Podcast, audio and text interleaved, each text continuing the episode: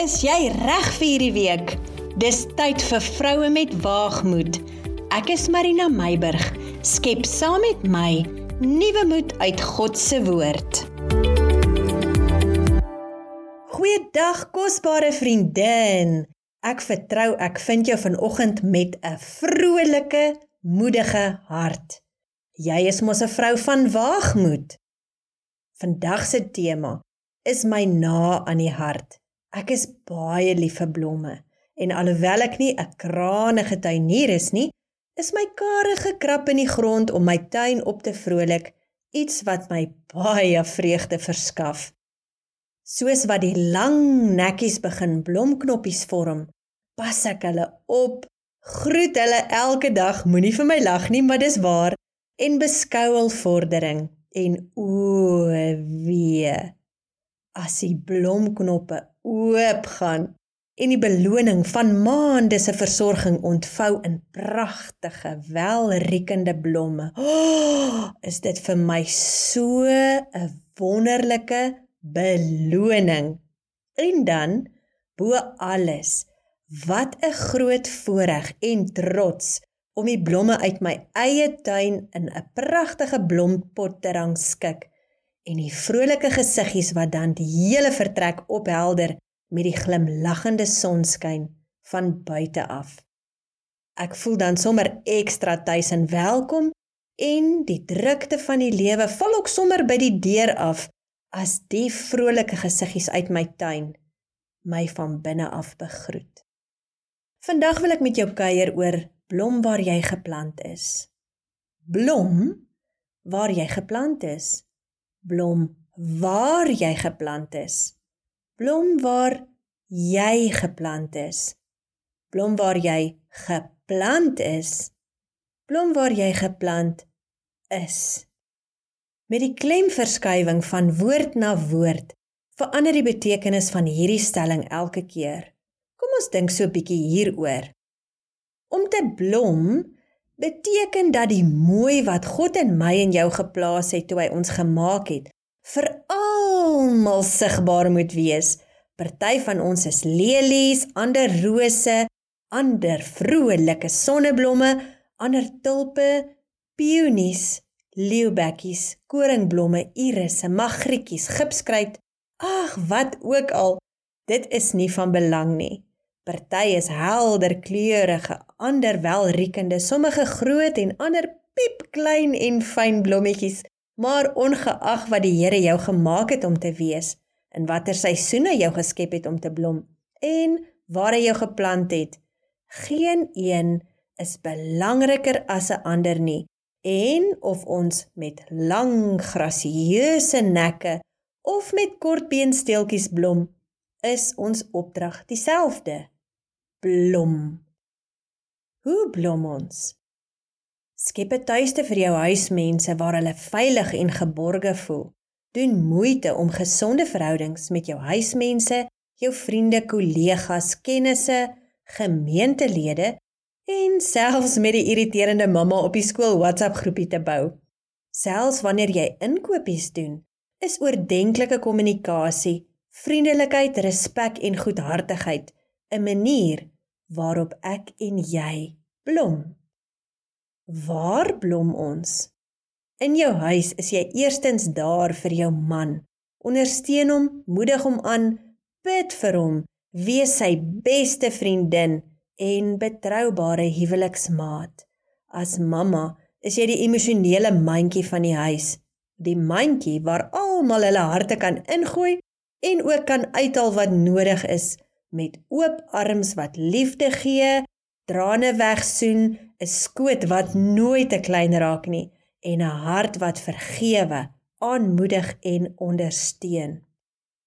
By die werk blom ek en jy deur integriteit, professionaliteit, getrouheid, kompassie en deur 'n ambassadeur te wees vir jou werksplek.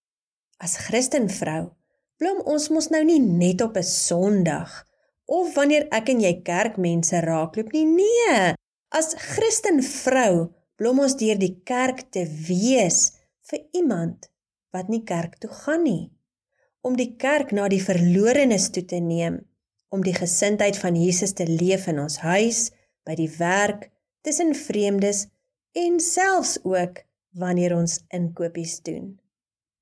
Jy Wat blom jy? Jy is 'n unieke blom deur die Vader geskep. In jou DNA is daar soveel kosbarehede. Jou persoonlikheid, jou gawes, talente, jou stokperdjies, die manier hoe jy die lewe aandurf en nie gaan lê nie. Die Goliats wat jy verslaan, die oseane wat jy oorsteek. Die kersie van hoop wat jy vir iemand aansteek.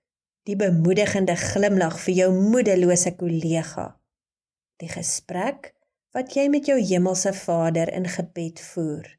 Die liefde vir jou man, kinders en familie. Die deernis vir 'n verlore gaande siel.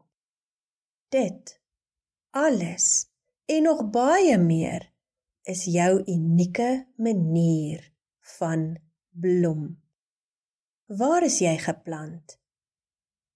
Dit is waar dat ons nie almal in gunstige grond geplant is nie. En soms word ons verplant in potjies wat ons wortels gewetenloos inboks. Dis maklik om te blom wanneer jy in gunstige grond geplant is. Maar dalk bevind jy jouself in 'n toksiese verhouding waar jy ingeboks voel en dit vir jou voel net sodra jy probeer om 'n blomknop te vorm, dit gewetenloos afgebreek word. Vriendin, selfs in onvrugbare grond het ek met my eie oë gesien hoe 'n lelie 'n pragtige blom kan maak. Natuurlik is die steeltjie nie so lank en die blom nie so groot en welig soos een wat in perfekte omstandighede groei nie. Maar die doel van 'n blom is om te blom. En dis presies wat die natuur oor en oor aan ons bewys. Selfs in 'n bietjie spoelsuintjies oor 'n klipplaat kan 'n mens blommetjies sien blom. Daai bietjie suintjies kan hulle nie keer om hul Godgegewe doel uit te leef nie. Laat dit jou bemoedig om te blom waar ook al jy geplant is. En al voel dit jy maak nie 'n verskil nie of jy maak 'n karige verskil. Blom vriendin, blom.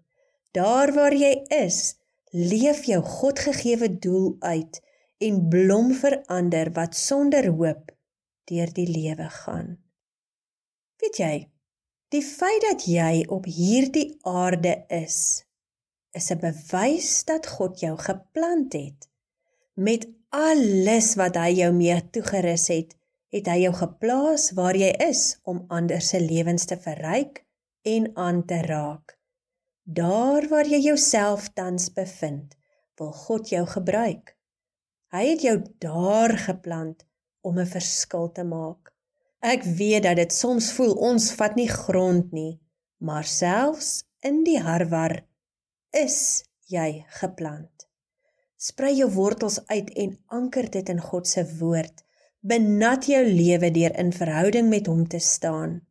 Laat jou gebed jou kunsmis wees en jy sal bemerk dat die Heilige Gees die peste en pla wat jou wil bedreig onder beheer hou.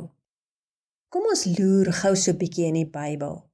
Matteus 5 vers 16 praat nou nie van blom nie, maar dit sê laat julle lig so skyn voor die mense dat hulle julle goeie werke kan sien en julle Vader wat in die hemele is verheerlik. Vriendin, of jy blom en of jy jou lig laat skyn, die beginsel is dieselfde doen dit sodat mense se lewens daardeur aangeraak kan word terwyl jy al die eer nie vir jouself hou nie maar aan jou hemelse Vader gee sodat hy daardeur verheerlik kan word In Jeremia 29 skryf Jeremia 'n brief aan die Jode wat as ballinge na Babel weggevoer was Die Jode was deur koning Nebukadneser verplant in onvrugbare grond van ballingskap en hul wortels was styf ingeperk daardeur. Dit was beslis nie maklik nie, en daar was geen rede om gelukkig te blom waar hulle heen verplant was nie. Maar kyk wat sê die profeet Jeremia aan hulle in vers 5 tot 7.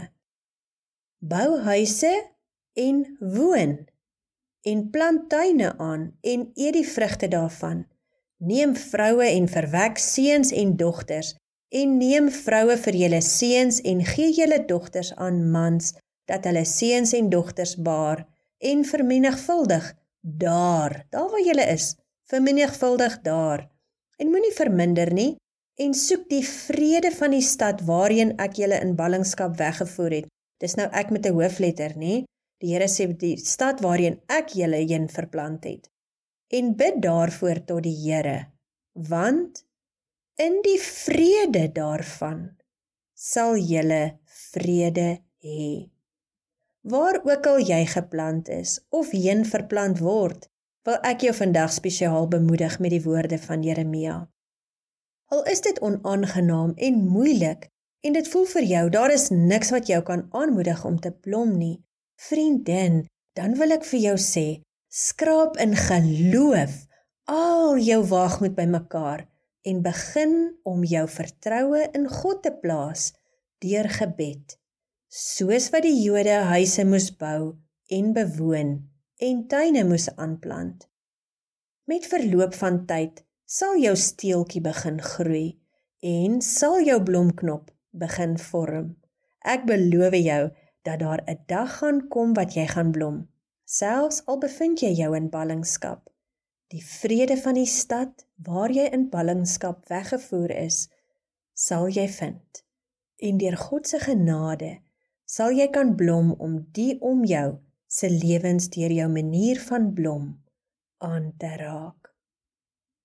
Kom ek en jy blom net daar waar ons geplant is. My blom en jou blom en die en daardie vriendin se blom maak saam 'n pragtige tuin in God se koninkryk waarin 'n verlore gaande wêreld kan instap en die wonder van God ontdek. Blom vriendin, blom. Blom baldadig. Blom vrolik. Blom die grootste, helderste, welriekende blom wat jy in staat is om te blom vir jou Skepper en Heer.